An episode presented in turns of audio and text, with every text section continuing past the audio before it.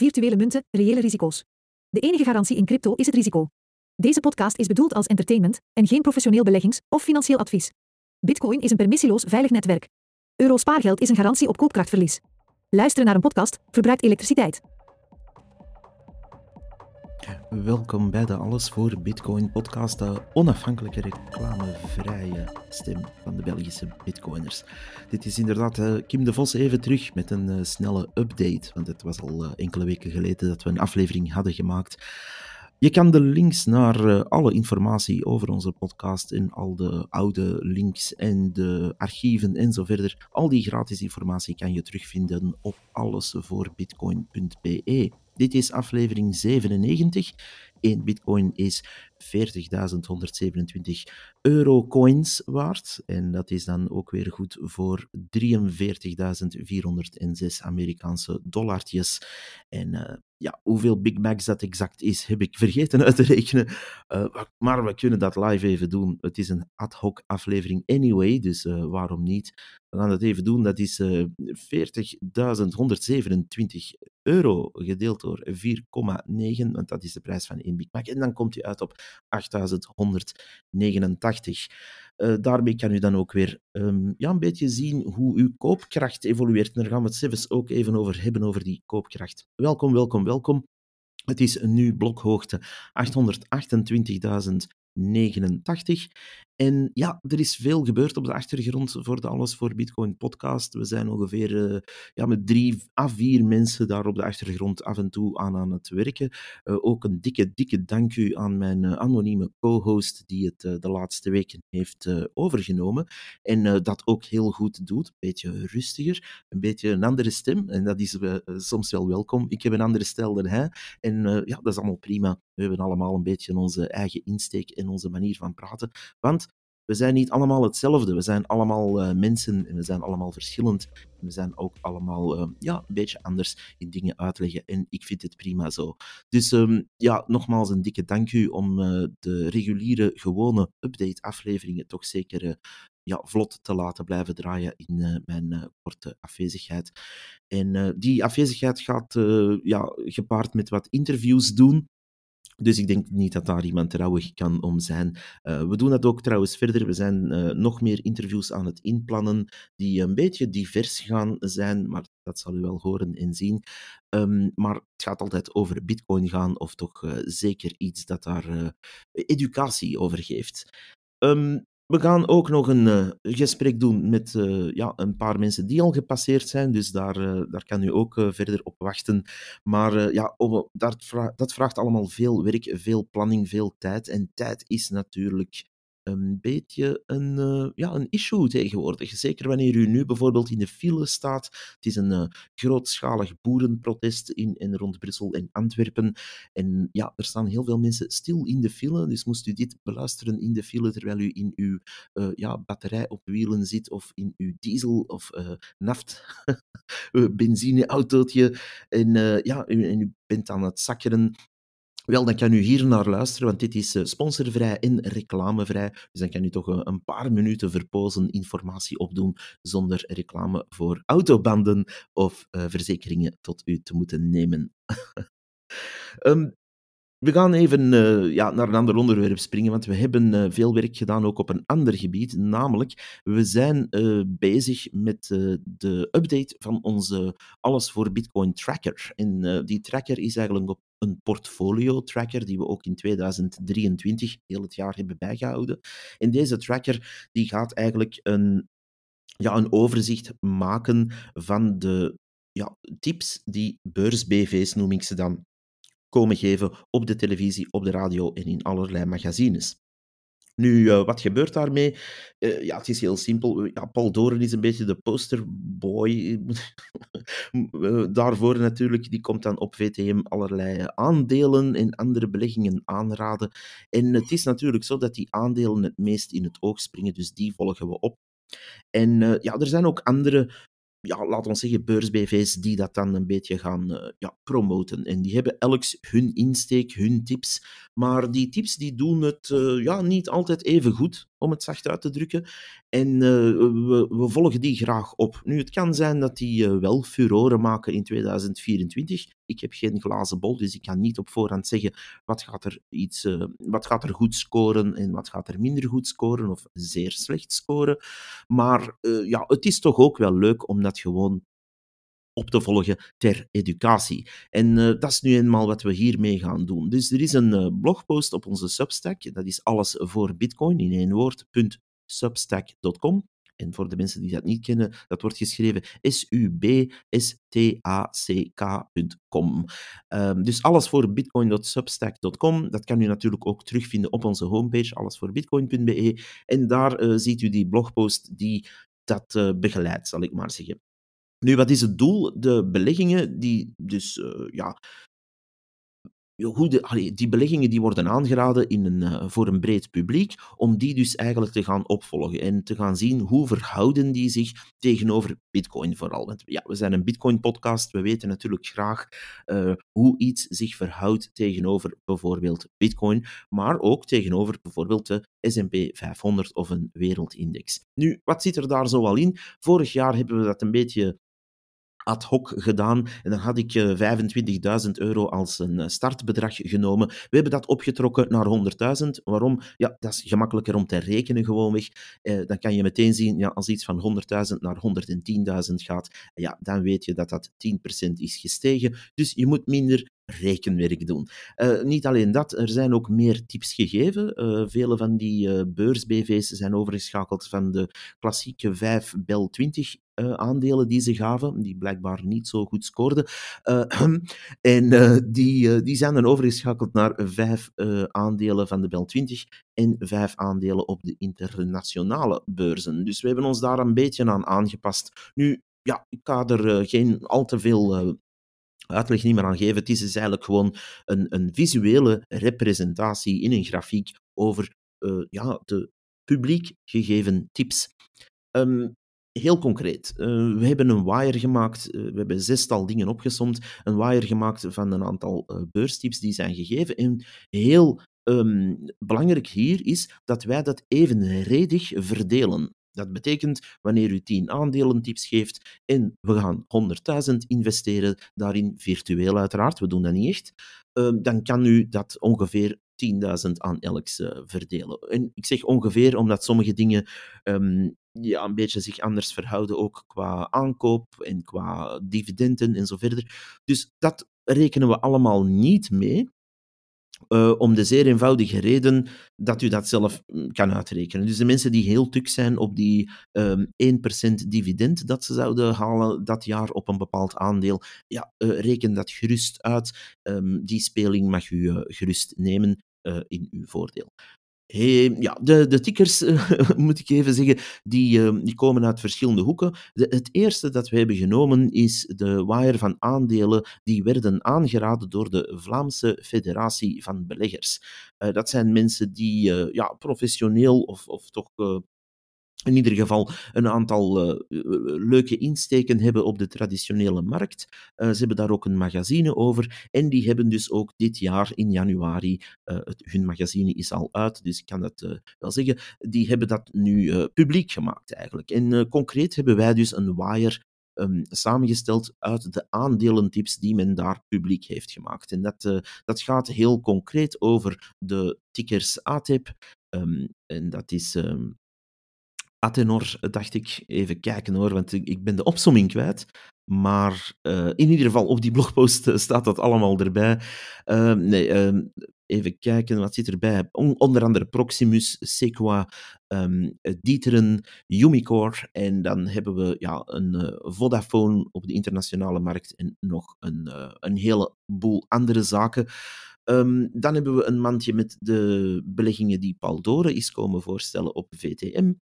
Daar zat ook weer Dieteren in, UCB, Lotus Bakeries um, en ja, VGP onder andere. En dan op de internationale markten uh, zat daar onder andere een zilverfonds in. U kan dat op de blogpost allemaal mooi nalezen. Dan hebben we als derde pijler uh, die we gaan meten, een beetje als een soort van eikpunt, hebben we de S&P 500-index. Daarvoor hebben we de Vanguard uh, VUSA-index, uh, Vanguard USA-index genomen op de beurs van Amsterdam. Daar hebben we dus ook een gelijkaardig bedrag in gestoken. De vierde pijler is Bitcoin. Ja, heel simpel. Met 100.000 kon je op dat moment dat dat werd bekendgemaakt 2,5823116 Bitcoin kopen. Um, dus ja, om en bij de 2,5, bijna uh, 2,6 Bitcoin. En uh, dat stond uh, toen aan een gemiddelde prijs, want we hebben dat over die dag verdeeld om het nog eerlijker te maken, uh, een 38.725 euro per bitcoin. En um, dat, dat gaan we trekken door de Bitcoin Liquidity Index te volgen, zodat we daar ook weer een gemiddelde prijs hebben, zodat we niet één exchange die bijvoorbeeld een dag wat hoger of wat lager gaat, gaan opvolgen, maar dat we daar ook een mooi gemiddelde hebben. Een vijfde pijler die we trekken is de ticker TSWE. Dat is een wereldwijd sustainability fund. Ook van Van Eck is dat trouwens. En dan eh, de zesde en laatste pijler is een wereldwijd divers fund uh, bij Vanguard onder de ticker VWCE.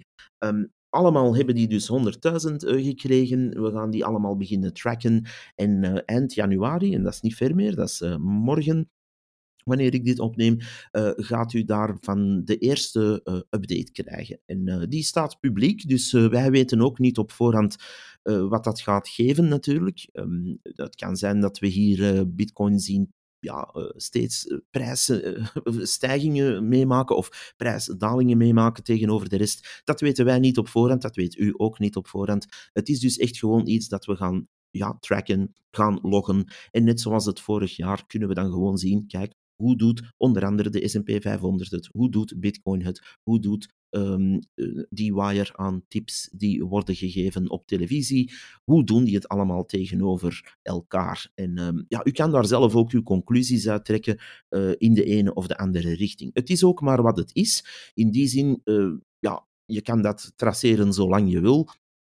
Uh, die, uh, die tips van 2023 bijvoorbeeld, ja, die kunnen we ook gewoon blijven opvolgen, want dat staat ons vrij om iets uh, dat publiekelijk gemaakt wordt als tip te blijven opvolgen. We doen dit natuurlijk om een beetje, laten we zeggen, rekenschap geven te gaan opwekken bij die beurs-BV's, want het is natuurlijk heel makkelijk, net zoals bij altcoin en shitcoiners, is het natuurlijk heel makkelijk om allerlei tips te geven, en koop die coin en koop dat project en koop dat aandeel. En, en dat is allemaal heel makkelijk, zeker wanneer je, dat je het uh, podium bezit en daar uh, regelmatig tips kan gaan, ja, ook gaan aanpassen, uh, dan, dan is het altijd makkelijk om dan achteraf geen rekenschap te geven, want er zijn wel degelijk mensen die die tips opvolgen en die die tips ook gaan waarmaken in echte aankopen. En dan is het soms wel wat sneu om te horen dat zulke mensen ja, um, 40% bijvoorbeeld van hun waarde kwijtgeraken op een jaar. En soms gaan die natuurlijk ook dikke winst maken,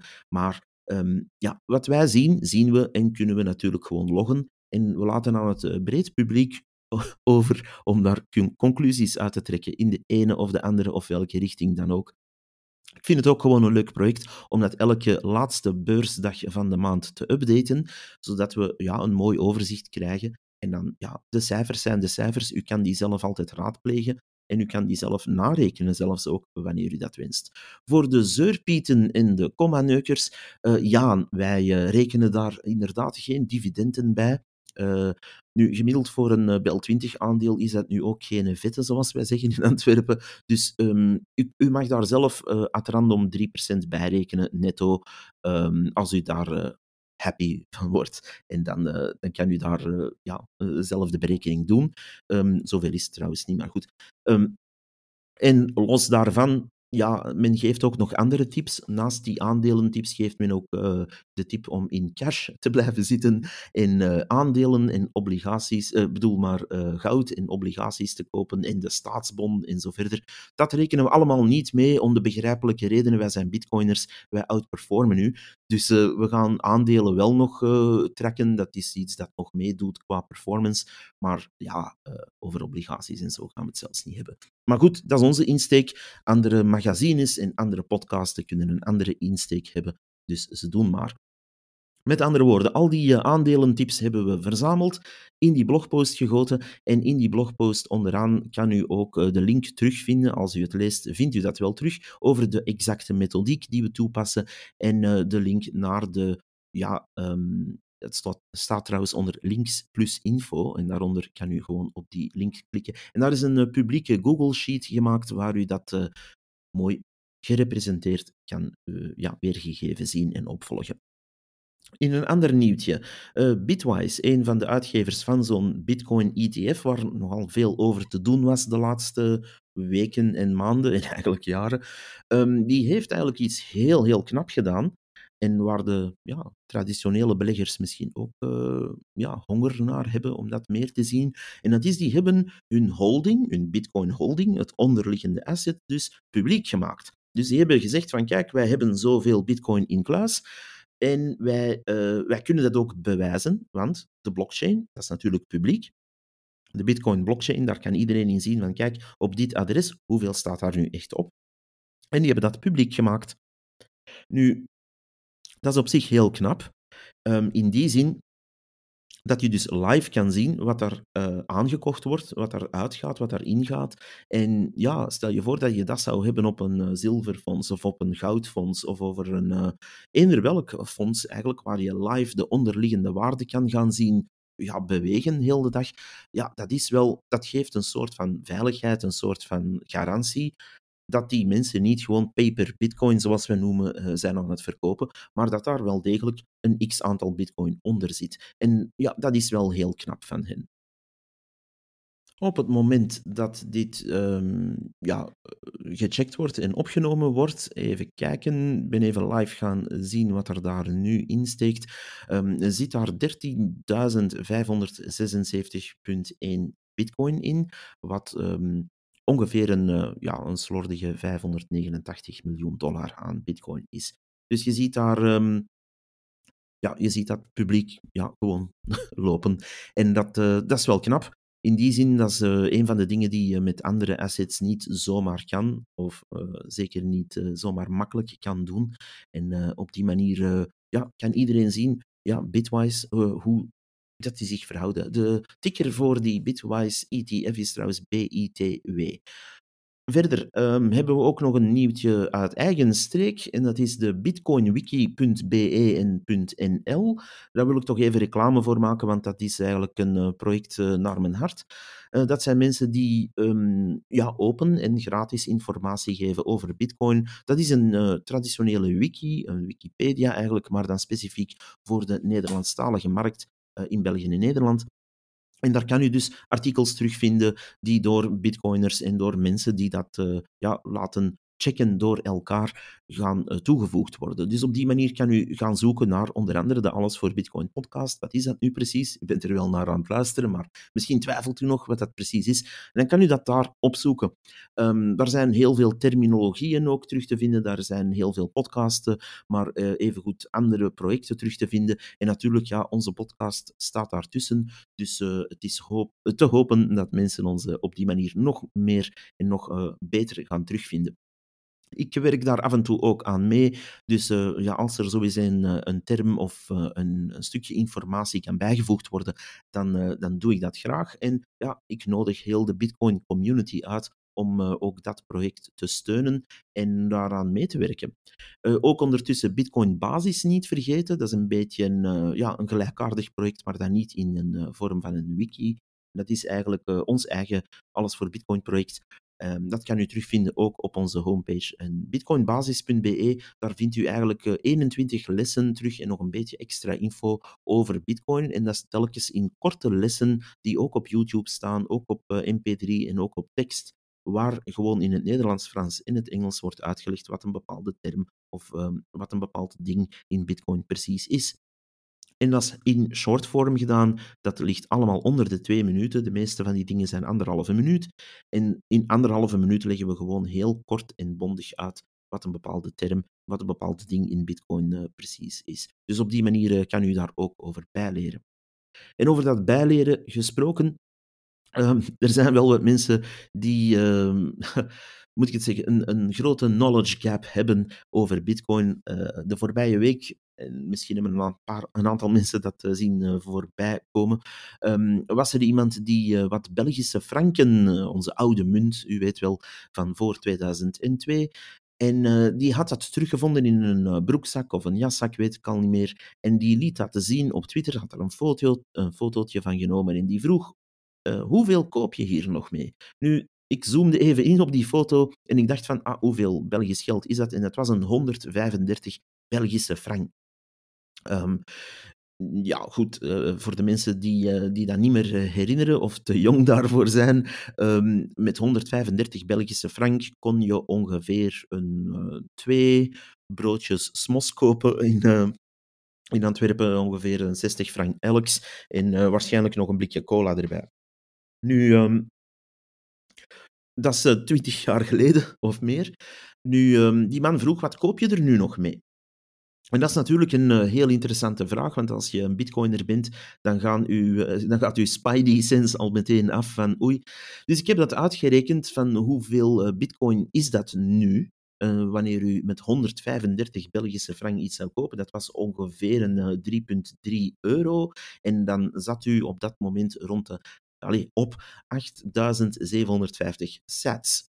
Nu, ja, dat is natuurlijk iets dat je niet kan terugrekenen naar Belgische frank, omdat ja, toen de Belgische frank nog gangbaar was, bestond bitcoin niet. Maar um, moest u voor uh, het equivalent van die 3,3 euro uh, bitcoin hebben gekocht zodra het kon, dan, uh, ja, dan moet ik er geen tekeningetje bij maken dat u daar wel meer dan een broodje smos mee kan kopen.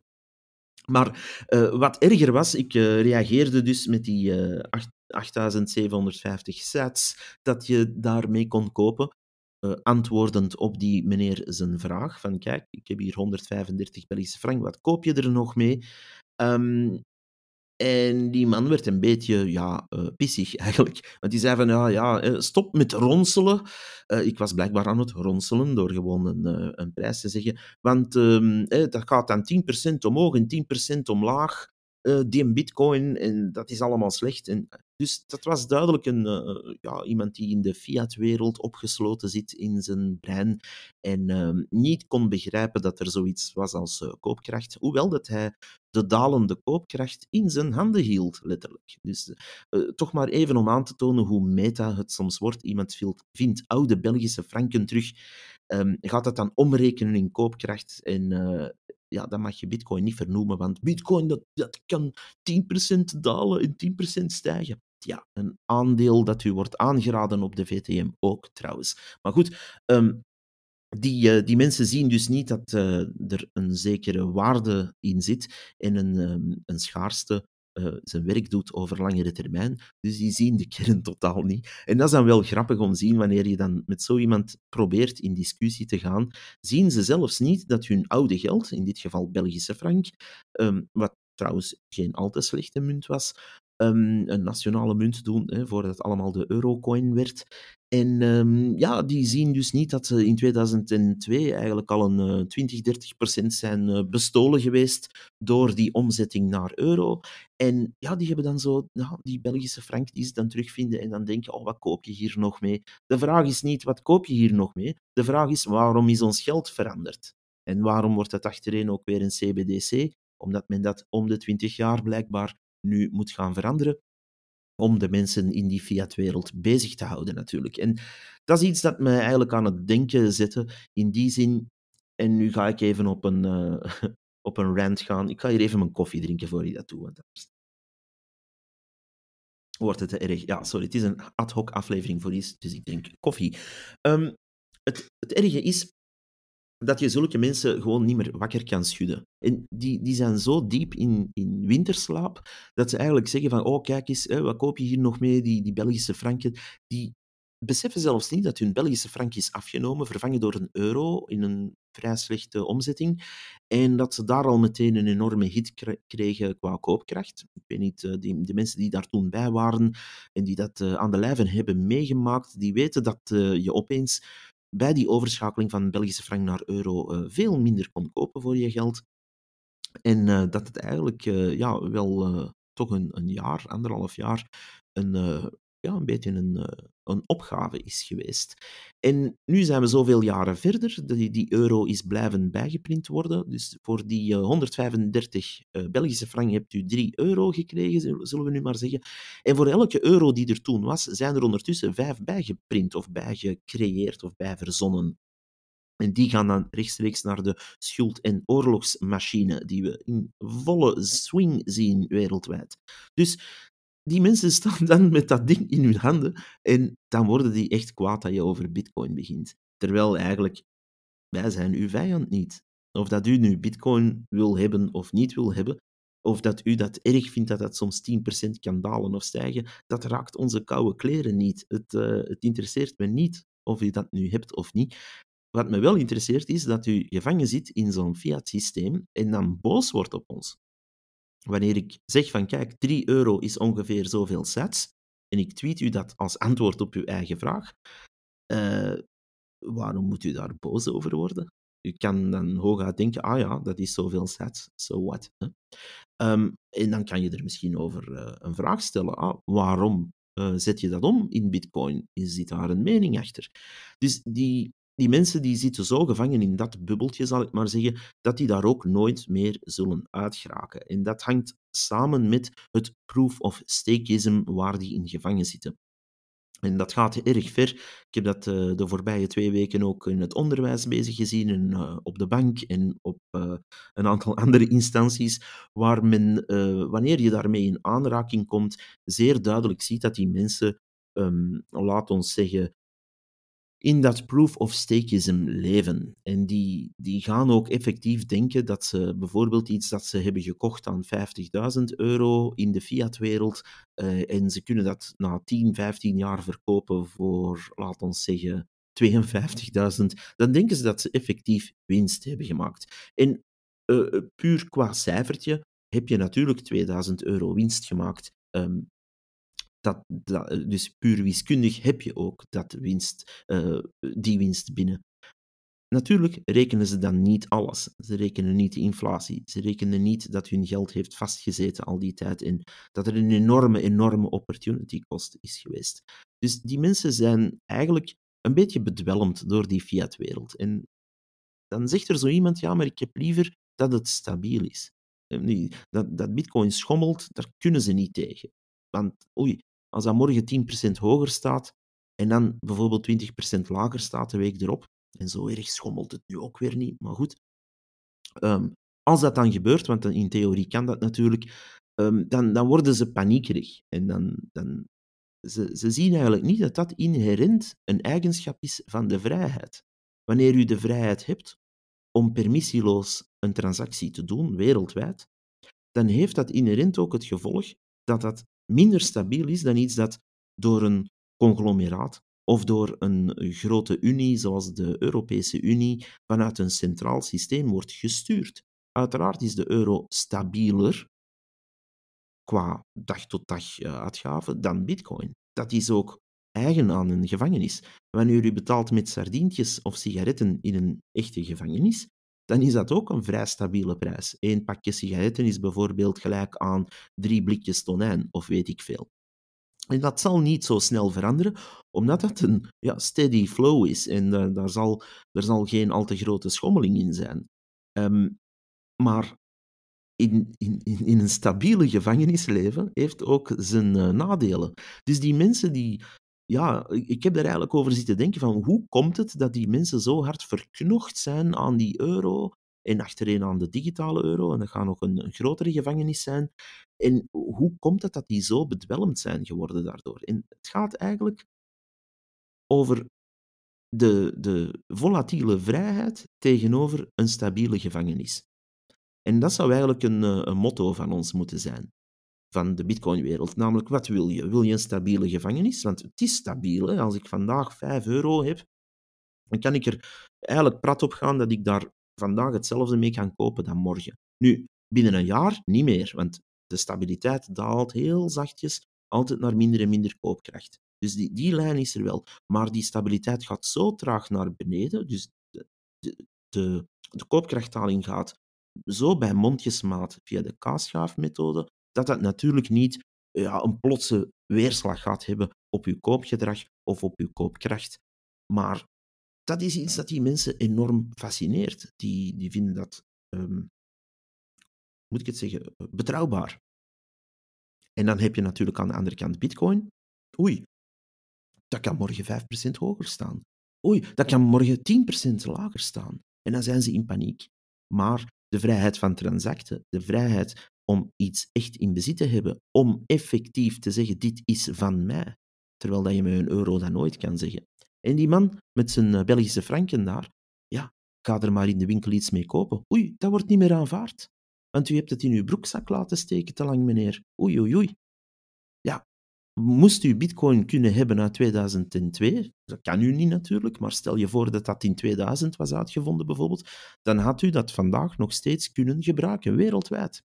En dat had waarschijnlijk veel, veel, veel meer waard geweest. Net omdat het schaars is, net omdat het vrij kan gebruikt worden. Permissieloos. U moet niet op uw knietjes gaan zitten, zoals met uw 135 Belgische frank, om te mogen dat om te ruilen. En ik daag die man uit om dat nog effectief om te ruilen naar iets dat iets waard is. En dan mag u naar de Nationale Bank gaan van België om daar te gaan smeken van hey, mag ik mijn 135 uh, eh, Belgische frank omruilen naar 3 en zoveel euro?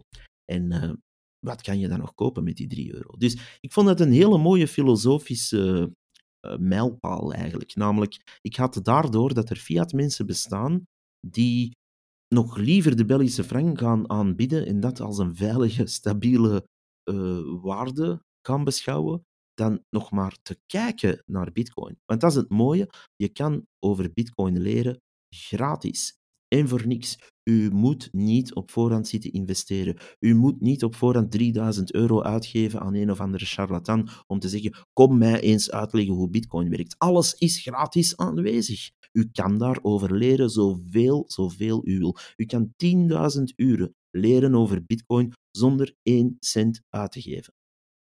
Doe dat dan ook. En steek er eens één uur in om te beginnen. Dus no-coiners, ik zou zeggen, wat hebt u te verliezen?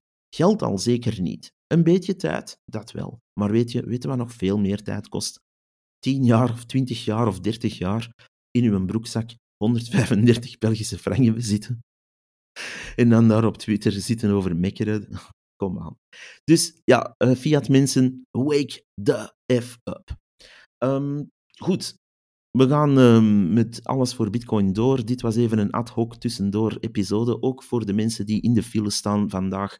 Um, ja, kijk om u heen, zie wat er gebeurt en open uw horizon. Want uh, Bitcoin kan u bevrijden, Bitcoin is uw reddingsboei en kan wereldwijd u mogelijkheden geven.